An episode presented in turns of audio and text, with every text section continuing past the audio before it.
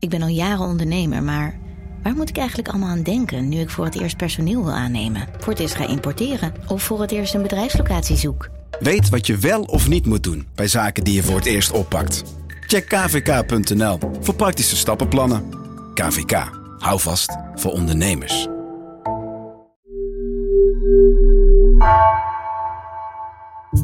Vanaf de redactie van NRC het verhaal van vandaag. Mijn naam is Thomas Ruip.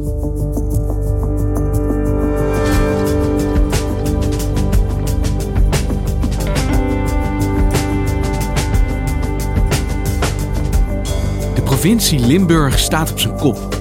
Na een zoveelste integriteitskwestie met in de hoofdrol weer het CDA is het voltallige provinciebestuur opgestapt. Onderzoeksjournalist Joep Dome en correspondent Paul van der Steen kwamen de zaak op het spoor na een anonieme tip. Wat is er in Limburg aan de hand?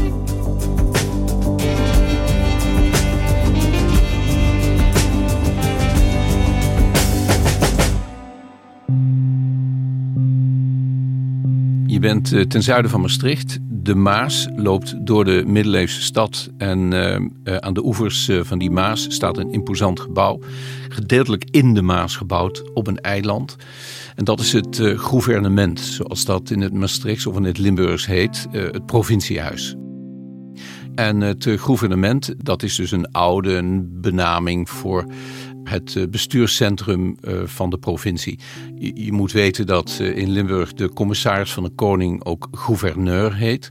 En ik ben daar met Paul van der Steen, onze correspondent in, in Maastricht, afgelopen vrijdag nog geweest. En wat ons opviel is dat daar, terwijl wij over de brug naar het eiland liepen, op het eiland twee vlaggenmasten met vlaggen stonden. En de eerste vlag, dat was de Limburgse vlag met de leeuw van Limburg. En daarnaast uh, wapperde de vlag, en dan denk je, daar komt de Nederlandse vlag. Maar nee, uh, de Europese vlag. Dus je wordt verwelkomd door twee vlaggen, de Limburgse en de Europese vlag. En daar hangt niet de Nederlandse vlag. Nergens rood-wit-blauw? Nee, het rood-wit-blauw wapperde daar in elk geval niet. Dat was voor ons ook wel een beetje symbolisch, uh, vonden wij, terwijl we daar naartoe liepen. En naar die vergadering waar het dan ging over de toekomst van het provinciebestuur. Want wat speelde daar afgelopen vrijdag? Ja, crisis. En dat bleek uiteindelijk uh, uh, het voltallige provinciebestuur, inclusief de gouverneur en uh, de resterende gedeputeerde aftrad. Naar aanleiding van de zoveelste integriteitsaffaire die, die in Limburg plaatsvond. Het hele provinciebestuur van Limburg stapt op. Het vertrouwen ontbreekt en zonder dat vertrouwen is het onmogelijk om ons werk voor Limburg en de Limburgers voor te zetten. Daarom dienen wij met onmiddellijke ingang als gedeputeerde ons ontslag in. Een motie van wantrouwen leidt nu tot het vertrek van de zittende gedeputeerde en gouverneur Bovens. Een politiek drama op dit eiland in de Maas. Juist. Want wat is de aanleiding geweest voor het aftreden van het bestuur daar? Wat speelt er?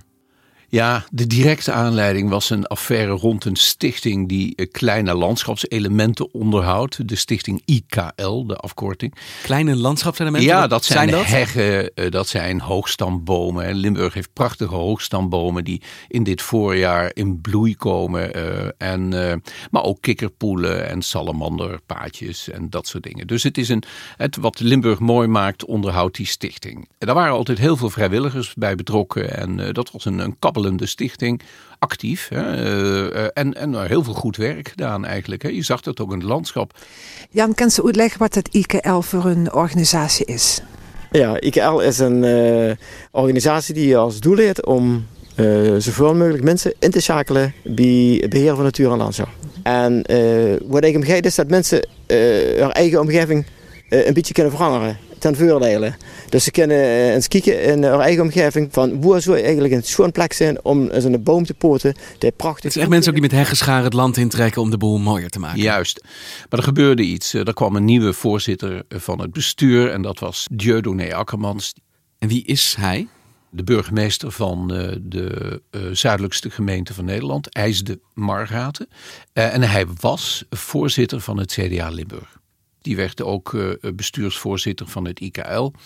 En niet veel later benoemde hij een nieuwe directeur van het IKL. En dat was Herman Vreeje, een partijgenoot van hem en oud-gedeputeerde in Limburg. En deze besloten om het IKL een nieuwe koers te laten varen. En wat veranderde er voor de stichting IKL op het moment dat deze twee CDA'ers daar ja, de boel gaan bestieren? Er moesten mensen uit. Driekwart eh, van al personeel werd ontslagen. Terwijl het daarvoor eigenlijk meer een natuurorganisatie was, werd het een mantelorganisatie van de uh, landbouwers, uh, de boeren in Limburg, die nauw verweven met het CDA zijn. We zagen daar bijvoorbeeld een commerciële opdracht. Hè. Dat was een, in, in Noorbeek, hè, dat is het meest zuidelijke puntje van Limburg. Daar is het landschap eigenlijk op zijn mooist. Hè. Prachtige heggen, hoogstamboomgaarden, heuvels. Nou ja, mooier kun je het niet krijgen in Limburg. En uh, daar wilde een boer een camping gaan uh, bouwen, of een ja, eigenlijk vakantiehuisjes uh, in dat mooie landschap. Nou, dan zou je zeggen dat is de IKL. Nou, die zouden dat wel zeker hebben tegengehouden, of daar wel kritisch over zijn geweest vroeger. Want een camping gaat meestal ten koste van natuur. Ja, nou, zeker. Ja. Maar hier, zij zeiden in een rapport, nou, zei die IKL, dat is wel heel goed mogelijk hoor, dat je daar toch een camping maakt en toch dat dan mooi inpast in het landschap. En dus dat was eigenlijk de afgelopen jaar een signaal dat er toch heel veel veranderd was bij dat IKL. En zeker bij die directeur. En toen kreeg ik een e-mail. Een e-mail van iemand eh, die, die zich niet bekend maakte. Uh, ik geloof dat hij als e-mailadres had vriendenrepubliek.hotmail.com. De verwijzing naar jouw boek, De Vriendenrepubliek Limburg? Ja, dat, uh, dat was inderdaad mijn boek, uh, uitgegeven in 1996. En dat beschrijft eigenlijk eh, de opkomst en um, ja, ondergang kan ik niet zeggen van de Vriendenrepubliek. Maar het beschrijft inderdaad die corruptieaffaires die er toen waren. Onttroonde burgemeesters, ontmaskerde wethouders en ontslagen ambtenaren. U hoort het al, ik heb het over Limburg. De afgelopen drie jaar volgde daar het ene schandaal het andere in sneltreinvaart op. De provincie is een Sicilië aan de Maas. Tenminste, dat vindt journalist Joep Domen. Gisteren verscheen zijn boek De Vriendenrepubliek. Nou, deze, deze bron, uh, die, die stuurde en die, uh, deze e-mail en die zei... nou, dat IKL, er is wat mee aan de hand.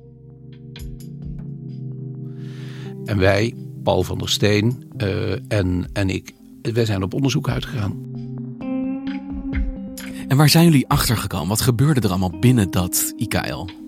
Ja, wat, wat bleek en wat deze bron dus aandroeg was dat eigenlijk door Herman Vreeën, de directeur van het IKL, uh, met medeweten van de voorzitter van de Raad van Toezicht van het IKL, die Dieudonné Akkermans. De andere CDA. Een andere CDA. Uh, eh, dat er een heel syndicaat was opgericht. Wat je zag was dat hij buiten die stichting IKL een, een enorme waslijst aan stichtingen en BV's is gaan oprichten. En die BV's die waren eigendom van hemzelf. Hij was mede-eigenaar of alleen eigenaar van die bedrijven. En die bedrijven die waren actief in het uh, natuuronderhoud, in het bosonderhoud, in uh, tal van zaken. Daar waren uitzendbureaus bij. Dus een hele reeks van bedrijven. En die bedrijven die kregen dan weer opdrachten van het IKL. Zij huurt eigenlijk zichzelf in. Ja, en het punt hierbij is, als dat nou allemaal je eigen geld is, hè, als IKL je eigen bedrijf is, dan kun je zeggen, nou dat maakt niet uit. Bedoel, wat je met je eigen geld doet, moet je zelf weten. Maar hier werd die stichting IKL gefinancierd met subsidies van de provincie Limburg, met subsidies van gemeenten en met subsidies van de postcode loterij. Dus het ging om gemeenschapsgeld, belastinggeld, dat hij via die eigen bedrijfjes in zijn eigen zak liet lopen. Want voor mijn begrip, om wat voor bedragen gaat het hier? Hoeveel geld gaat er om? Uit de berekening blijkt dat het om honderdduizenden euro's gaat, die uh, uh, via die bedrijven van hem in zijn zak belanden. En er is nog één aspect. Hij werd ook vorstelijk betaald. Hè. Deze Herman Vreeën werd uh, met toestemming van de Raad van Toezicht ehm, betaald op een niveau van, van de minister-president. En toch zie je dat die man en dat die Raad van Toezicht dat goed vond. En ook de provincie het goed vond dat deze man zo'n vorstelijk salaris kreeg. Maar uit ons onderzoek bleek dat er eigenlijk nog veel meer mensen uit het CDA betrokken waren bij dit syndicaat. Nou, bijvoorbeeld gedeputeerden, bij de provincie verstrekte dus opdrachten en subsidies aan die bedrijven van de directeur van het IKL. En die CDA-gedeputeerden die besloten in januari 2014 om uh, het bosonderhoud, 250 hectare van de provincie Limburg, in handen te geven van Boswerk BV. Wij deden onderzoek en kwamen erachter dat Boswerk BV op dat moment nog niet eens bestond. Dat bedrijf moest nog worden opgericht. Pas anderhalf, twee weken later ging Herman Vreeën naar de notaris om dat bedrijf Boswerk op te richten. Maar de opdrachten waren al binnengeschreven. Maar de opdracht was al binnen. En hebben jullie hem ook geconfronteerd met deze manier van werken? Ja, we zijn naar hem toegegaan. Uh, dat was helemaal in het begin. We hadden ons onderzoek gedaan. Toen dachten we, nou weet je, dit is gewoon de tijd. We gaan naar Herman Vreeën toe. We maken een afspraak en we gaan daar aan tafel zitten. En ik zat tegenover hem, grote man, een, een geruite overhemd en een stem. Nou, die kunnen ze in Keulen ook nog horen. Een hele sonore stem. En uh, dat was eigenlijk een heel aardig gesprek. Nou, gaande dat gesprek uh, werd het onprettiger natuurlijk. Want toen vroeg ik van ja, maar hoe zit dat dan met je eigen bedrijf? En uh, ja, hier liggen allerlei vogelkastjes, maar die worden gemaakt door een bedrijf van jou en worden dan door het IKL verkocht. En je huurt personeel in van het IKL via bedrijven van jezelf. Je salaris is veel te hoog. Hoe zit dat allemaal? Nou ja, en daar uh, zag ik een Herman Vreeën die eigenlijk niet goed begreep waar ik me druk over maakte. Hij vond het toch maar handig dat die bedrijven van hem, die overigens gevestigd zijn in hetzelfde kantoor als IKL, ja, dat die hand- en spandiensten onderling verrichten. Het IKL deed wat voor die bedrijven, bedrijven deden wat voor IKL. En uh, ja, dat salaris van hem, ja, was dat nou echt te hoog? Dat vond hij ook eigenlijk niet. Hij zag geen probleem in deze werkwijze. Hij zat er echt geen probleem in.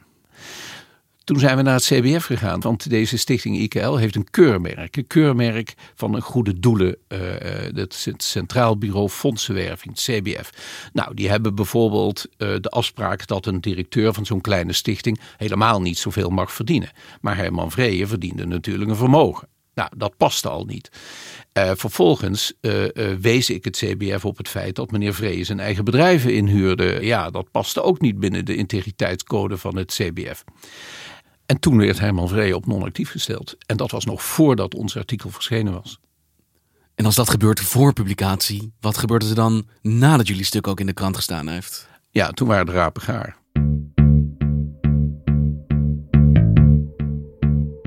De berichtgeving over de handelwijze van de directeur van IKL en het opstappen van twee gedeputeerden. En de link die daarbij wordt gelegd met de Limburgse bestuurscultuur. Het is schadelijk voor het imago van onze mooie provincie Limburg en voor het vertrouwen in het openbaar bestuur. Dus nog twee CDA'ers die moeten opstappen eigenlijk vanwege deze affaire. Ja, dat klopt. Um, Ger Koopmans en Hubert Makkers, de ene financiën en de andere naturen uh, in zijn portefeuille, voelden zich politiek verantwoordelijk en stapten op. In Limburg zijn twee CDA-gedeputeerden per direct opgestapt. Het gaat om Ger Koopmans en Hubert Makkes. Reden is een subsidieschandaal rond oud-gedeputeerde Herman Vreeën. De machtigste man van Limburg wordt die wel genoemd. Ger Koopmans, als CDA-gedeputeerde verantwoordelijk voor de financiën van de provincie. Maar nu stapt hij op. En daar bleef het niet bij, want uh, uh, afgelopen vrijdag uh, besloten de gedeputeerden om op te stappen. En kort daarna was het ook de beurt aan de gouverneur om in een toespraak duidelijk te maken dat ja, dat hij, ook hij niet verder kon zonder dat volledige vertrouwen van provinciale staten. Enkele uren na het vertrek van het Limburgse provinciebestuur is ook gouverneur Theo Bovens opgestapt. Maar als niet met de volle 100% vertrouwen is in wat ik doe en hoe ik opereer, dan past reflectie. Ik ben voornemens om mijn functie ter beschikking te stellen. En als uw gouverneur voorlopig bereid aan te blijven tot een nieuwe kroonbenoemde commissaris van de Koning benoemd is. Dus het begint eigenlijk met een tip aan jou en een paar weken later is het hele bestuur van de provincie Limburg eigenlijk onthoofd. Ja. Want Joep, dit is niet de eerste keer dat jij een schandaal in Limburg blootlegt. Het is zelfs niet de eerste keer dat wij elkaar hierover spreken. Waarom heeft nou net deze kwestie met deze stichting en deze mannen zulke grote gevolgen? Ja, dat is een hele goede, weet je. Um, als je dit verhaal bekijkt en afzet tegen die andere integriteitsverhalen die we geschreven hebben, dan wordt uit dit verhaal heel duidelijk ehm, dat er een onderhuids netwerk is in Limburg. Dus je hebt de officiële organen, maar daaronder een enorm netwerk van vooral CDA's die met elkaar dealen en wielen en eigenlijk de provincie uh, besturen. Het CDA is de partij die in Limburg sinds mensenheugenis de bestuursmacht heeft. En wat dit verhaal liet zien is hoe dat werkt op de achtergrond. Zonder dat daar veel mensen grip op hebben, zie je hoe iets geregeld kan worden. Hoe men iets regelt. Want hoe heeft dit door de CDA gedomineerde schaduwsysteem nou juist hier kunnen ontstaan? Waarom Limburg? Ja, omdat ja, van oudsher een katholieke provincie. Dat was de Rooms-Katholieke Staatspartij, uh, daarna de KVP. En nu het CDA, die van oudsher traditioneel in de haarvaten van deze samenleving zaten. En nog steeds zitten dus. En Limburg is natuurlijk toch een provincie apart in Nederland. Het is een provincie met een hele eigen cultuur, een eigen groepsgevoel. Uh, Limburg uh, uh, heeft meer grenzen aan het buitenland dan aan Nederland. Als je het over die cultuur hebt, naar de manier waarop mensen met elkaar omgaan. Hè, vaak een amicale manier, vaak een, een, een spreekuur van een wethouder in een café. dat soort dingen kan allemaal. Het is een, het cliëntelisme, ons kent ons, een vriendendienst. En dat is eigenlijk een voeding hè, waarop je ziet uh, dat uh, de misstanden die nu bij dat IKL zijn blootgelegd, ja, uh, ingebed zijn. Maar nu is de laatste acte van het politieke drama het aftreden van het provinciebestuur. Machtige mannen die eigenlijk ten val komen. Is dit een moment dat Limburg zegt: dit is genoeg geweest, dit moet veranderen, klaar? Ja, dat is dus wat provinciale staat hiermee, denk ik, heeft willen zeggen. Hè? Dit is genoeg geweest. We willen echt iets anders. We willen af van die, dat imago van, van een, een sjoemelprovincie. En ja, dat wordt dus nu een hele tour. Want de grote vraag is, hoe, hoe ga je tot in die haarvaten van de samenleving... die samenleving en die cultuur, met name die bestuurscultuur, veranderen? Want eigenlijk moet de provincie en de manier waarop die provincie functioneert verschoond worden. En je zou zeggen, ja, als je dan denkt aan opvoeding, op het moment dat je slecht gedrag wil afleren, dan lukt dat vaak alleen als er ook daadwerkelijk gevolgen zitten aan dat gedrag. Zijn er consequenties voor, nou ja, om er iemand te noemen, zo'n Herman Vreeën? Ja, kijk, voor Herman Vreeën zie je, hij is voor de bus gegooid door het CDA. Hij is ontslagen en ja, ik denk dat geen enkele CDA nog geafficheerd wil worden met hem. Maar ja, is dat voldoende? De, de voorzitter van eh, de Raad van Toezicht, Dieudonné Akkermans, ex-voorzitter van het CDA Limburg, is burgemeester in een, in een gemeente in Limburg. Hij wist ervan. Hij zit er nog. Uh, en zo geldt dat natuurlijk voor, voor de, uh, een aantal andere CDA's die hiervan wisten en aan mee hebben gedaan ook. Dus ik heb me ook wel afgevraagd, ja, wat nu, zou er niet toch een taak van het Openbaar Ministerie zijn? Hè? Zou je niet toch ook nog eens een keer heel grondig moeten kijken naar die structuren en kijken of daar strafbare feiten zijn geweest? Ja, niet of alleen of het onwenselijk is, maar of het ook misschien niet mag. Ja, want dat ligt dicht tegen elkaar aan, vrees ik in dit geval. Maar goed, dan terugkijken naar 25 jaar geleden, de Vriendenrepubliek.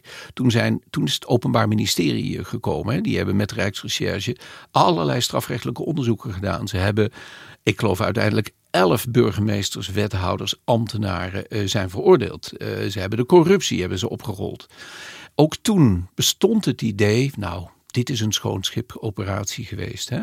Ja, nou, we zien nog steeds die onderliggende voedingsbodem, die cultuur die niet verdwenen is misschien moeten we ook niet te hoge verwachtingen hebben dat een onderzoek van het Openbaar Ministerie diezelfde cultuur eh, ten gronde gaat veranderen.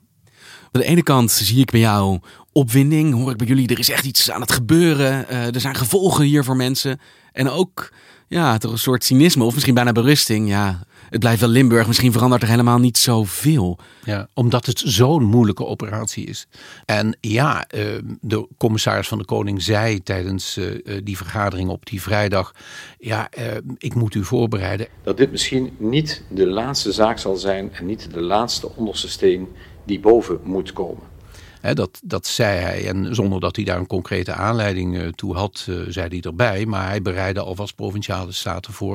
Ik ben ervan overtuigd dat er nog wel wat komt. Maar omdat de dynamiek die nu is ontstaan, mogelijk een katalysator zal zijn voor mensen om vragen te stellen bij zaken waar men voorheen wellicht geen vragen bij had.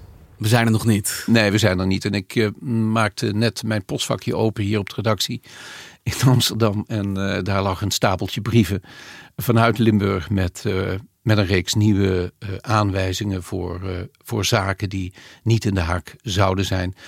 En ik kan je één ding zeggen, we blijven het volgen. Dankjewel Joep. Graag gedaan.